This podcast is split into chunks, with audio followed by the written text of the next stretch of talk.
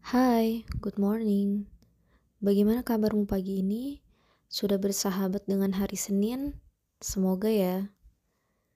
Pagi ini biasanya aktivitas apa dulu nih yang kamu lakuin? Udah berdoa, bersyukur, dan berdamai dengan diri sendiri? Semoga udah ya. Mungkin pagi ini udah banyak banget keruwetan yang lagi kamu jalanin ya atau ada banyak pikiran-pikiran yang ada di dalam pikiran kamu yang mendistract sehingga hari ini mungkin rasanya kurang baik. Ya, apa pun keadaan kamu saat ini, coba deh lakukan tiga hal ini. Berdoa dulu supaya hari ini itu lebih baik, lebih produktif, dan lebih banyak rezeki yang berlimpah daripada hari kemarin Kemudian bersyukur atas apa-apa yang kamu milikin saat ini. Juga berdamai deh dengan diri sendiri. Apakah ada hal-hal yang gak kamu suka tapi masih kamu kerjain? Dan yang akhirnya harus kamu ikhlasin. Karena dengan ikhlaslah kamu bakal merasa lebih damai. Hati bakal merasa lebih tenang. Dan insya Allah hal-hal yang ingin kamu capai itu segera bisa terrealisasi. Percaya saya ya. Pagi ini boleh kan aku mengajak kamu untuk berpikir. Eh, tapi boleh deh kalau mau sambil sarapan. Isi energi penting loh, jangan bakar kalori aja. By the way, aku aja yang berpikir atau kamu juga ya kalau sosial media makin lama isinya makin kurang berkualitas. Ya, bisa beda-beda. Sebagian ada yang jawab iya, tergantung siapa yang diikutin, berita apa yang mau dikonsumsi. Yes, berdasarkan minat atau keinginan kita. Begitu kan algoritma sosial media.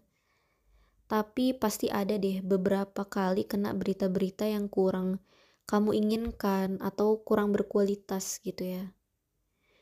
Berdasarkan laporan dari Digital 2021, rata-rata orang Indonesia itu menghasilkan eh menghasilkan menghabiskan 3 jam 14 menit sehari untuk mengakses media sosial. Sehingga manusia menerima informasi baru setiap harinya bahkan hingga puluhan ribu informasi baru dan apa efeknya? Ternyata bisa membingungkan otak kita untuk memilih mau menyerap informasi yang mana nih. Walaupun sebenarnya ada banyak info penting yang kita konsumsi, tapi kan yang sia-sia pun ikut masuk ya. Jadi mempengaruhi cara kerja otak, emosional atau mood kita, bahkan kesehatan mental dan fokus seseorang. Sering banget kan ngerasa candu scrolling TikTok misalnya, gak terasa udah 1-2 jam. Setelah itu apa yang terjadi? Ngerasa gak sih otak itu agak ngeheng gitu atau mood tiba-tiba turun, suasana hati jadi berubah. Nah, kalau misalnya hal ini relate sama kamu dan udah ngerasain bad impactnya untuk keseharian, ya inilah saatnya untuk membangunkan kesadaran diri kamu wake up, wake up. Ya, harus bangun. Kembali tingkatkan kualitas diri kamu sendiri. Ambil langkah pasti, walaupun mungkin terlihat lambat. Tapi itu adalah satu perbaikan atau improvement gitu ya untuk masa depan. You know, ada tiga tipe orang dalam melihat dunia. Mungkin salah satunya dunia maya atau sosial media. Tipe yang pertama itu hanya sekedar melihat atau mengkonsumsi media. Dan yang kedua, itu yang memanfaatkan peluang dan mengambil kesempatan sesuai dengan zamannya. Dan tipe yang ketiga itu flat atau gitu-gitu aja. Merasa ya nasib udah diatur.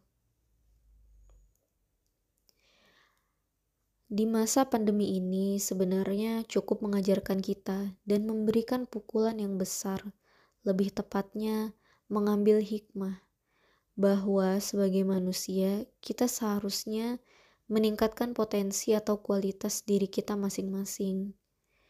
Karena saat ini di era sosial media, pesan untuk aku dan untuk kamu yang mendengarkan ini jika berkenan, yaitu yuk ikutlah tren yang baik. Ambil contoh baik dari sekian banyak yang bisa kita lihat dan yang bisa kita dengar. Kita bisa kok sukses tanpa ikut tren-tren yang sebenarnya nggak diperlukan.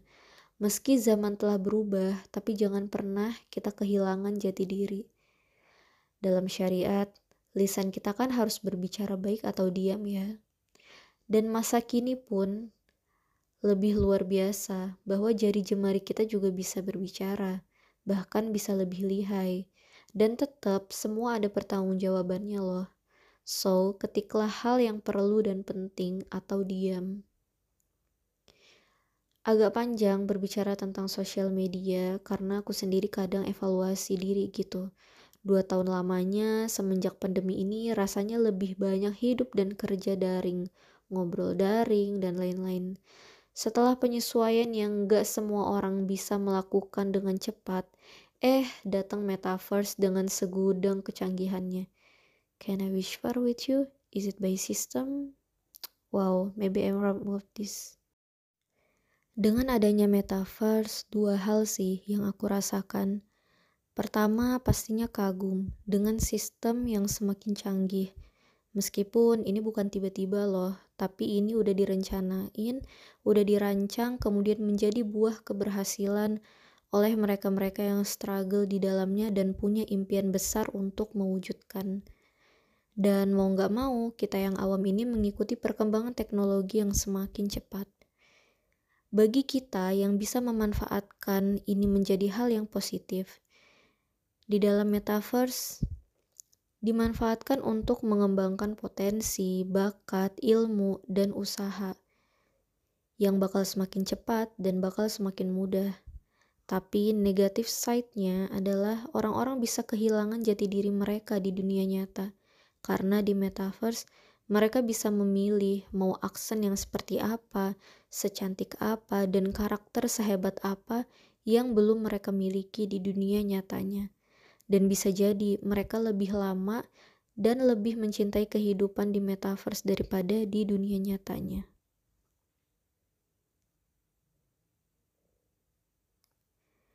Oke, satu hal back to topic mari meningkatkan kualitas diri yang masuk di dalamnya skill, kemampuan diri terutama ya. Karena kalau kita tidak punya pendidikan yang tinggi, ekonomi yang baik, karena keadaan tentunya, itu semua nggak masalah. Karena masa kini pendidikan bisa didapat di mana aja, di lingkungan, apalagi di internet. Nggak harus nelen bangku sekolahan, ibaratnya gitu ya karena setidaknya masing-masing kita punya brain, heart, fisik yang bisa kita andalkan dan terbaik untuk mengubah nasib menjadi lebih baik. Eits, dan ingat, nasib dan takdir itu adalah dua hal yang berbeda. Kalau takdir itu udah ditetapkan dari Allah tentunya ya. Kayak hidup, mati, jodoh, rezeki. Nah, tapi kalau nasib itu kita sendiri yang mengubah dan kita sendiri yang memperbaiki. So, jangan buangkan waktu untuk sekedar scrolling sosmed tanpa tujuan, ngegabut, bahkan ikut-ikutan julid di sosial media. Karena sekarang, as we know, isi sosmed apa aja. Zaman semakin berubah, selain kita harus tahu perkembangan zaman, berdoa, dan kadang merenunglah sejenak apa yang bisa dilakuin untuk meningkatkan kualitas diri, cari komunitas yang baik dan support sistem yang baik. Karena aku tahu jalan sendirian itu gak mudah. Cari pengalaman sebanyak-banyaknya, jangan takut gagal karena gagal itu ada jatahnya, so habiskan. Dan always remember, iringi dengan doa perbaiki hubungan dengan Allah dan sesama manusia.